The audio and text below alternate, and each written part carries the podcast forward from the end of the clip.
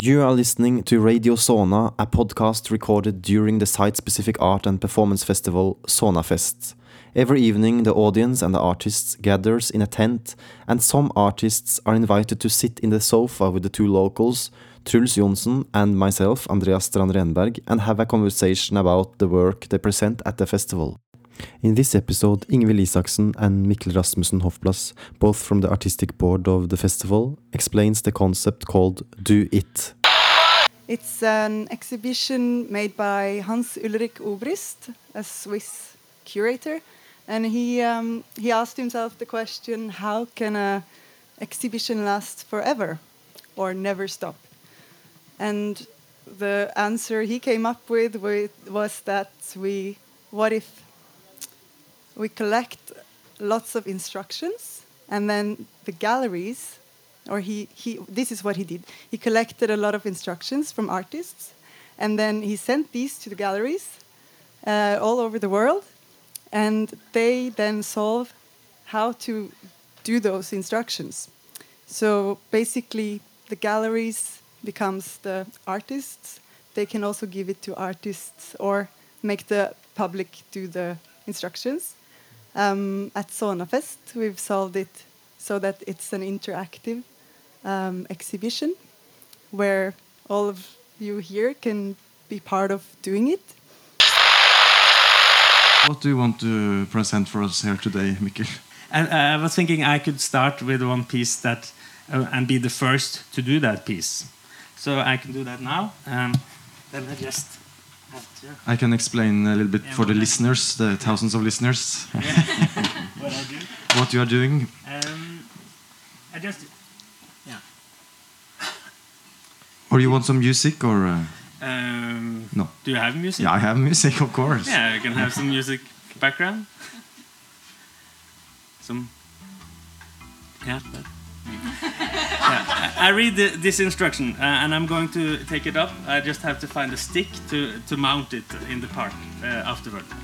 Uh, and this is uh, uh, instruction made by Michelangelo Pistoletto uh, in 1995, and it's called Sculpture for Strolling and it goes like this. After reading the daily newspaper, immerse it in water, then form a small sphere by compressing the wet newspaper with one's hands. Enlarge the sphere by adding new daily newspapers soaked in water. Continue this pro- procedure until the sphere is a meter in diameter. When well dried out, roll the newspaper sphere outside in the streets and the squares as a sculpture for strolling. Um, so uh, I was going to do uh, the first uh, uh, beginning sphere so people can add uh, this uh, every day. So we want uh, to to get whole, the whole of Hølen to uh, each morning take their newspaper after they read it, uh, and I will put a bucket uh, in the park. Uh, in on this, uh, I will put a ball on this uh, little square I made here, uh, and then people can add. And uh, and the goal is that we have a big enough uh, uh, ball that we can roll it down to Soon on Friday to the art uh, party. Yeah. So. Uh, thank you, thank you. So we haven't planned uh, how it will end, but uh, uh, it's really nice if it gets a big parade and people going after this ball. Maybe it's, it's Uh, get, it becomes a new revolution in soon. I don't know. Yeah, maybe Did you think about what could happen if it really, really grows? uh, the ball. Yeah. yeah, it, it's really nice if it continue after the festival to be uh, bigger. Mhm. So it's just uh, So now you are going it. to do it. yeah, I'm going to do it now. Okay, I will put some more music. I know that Aftenposten has been there, so I'm taking Aftenposten uh, that I have read. Um. Yeah. So I immersed. I try to immerse the whole thing and see what's happening. Nice. So Mikkel is now putting the newspaper down in a red bucket. Uh, it appears to be water in the red bucket. It's water. He confirms it's water in the bucket. He's dipping it up and down. Where is the water in Hølen from? The water in Hølen is from Såna. It is Såna. Ah, you don't think about the. Did you take water from? Uh, From the tap water from ah, it's from the tap It's close water. enough. You should have used the water from Såna maybe, but uh, Water from Vansjø. this is water from Vansjø. It's an ocean close to Hølen.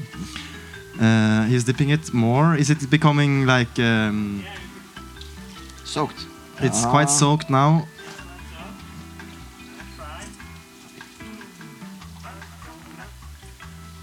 He's um, twisting the paper. Uh, it's dripping. I don't know if this is the real best technique, but you, He's not sure of the technique, but um, it looks like a ball. but if you do this every day, then you can get it. It's it's really looking like a ball now. Now I'm just pressing out the water so it can dry faster. Was my thought there. How does it feel to do this, uh, Mikkel? Um, it's quite. Uh, you get the, many things out, or like it's good. It's like meditation. Still twisting the ball. It's getting drier and drier, harder and harder.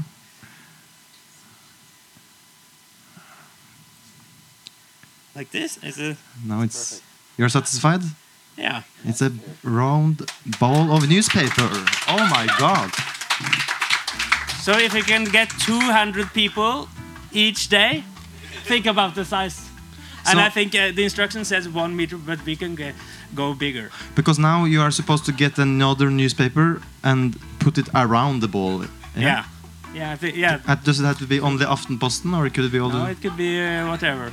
and uh, newspaper. any kind of news? Uh, yeah. Yes. Uh, yes. Thank you very much, Mikkel Rasmussen Hofplass. We do it.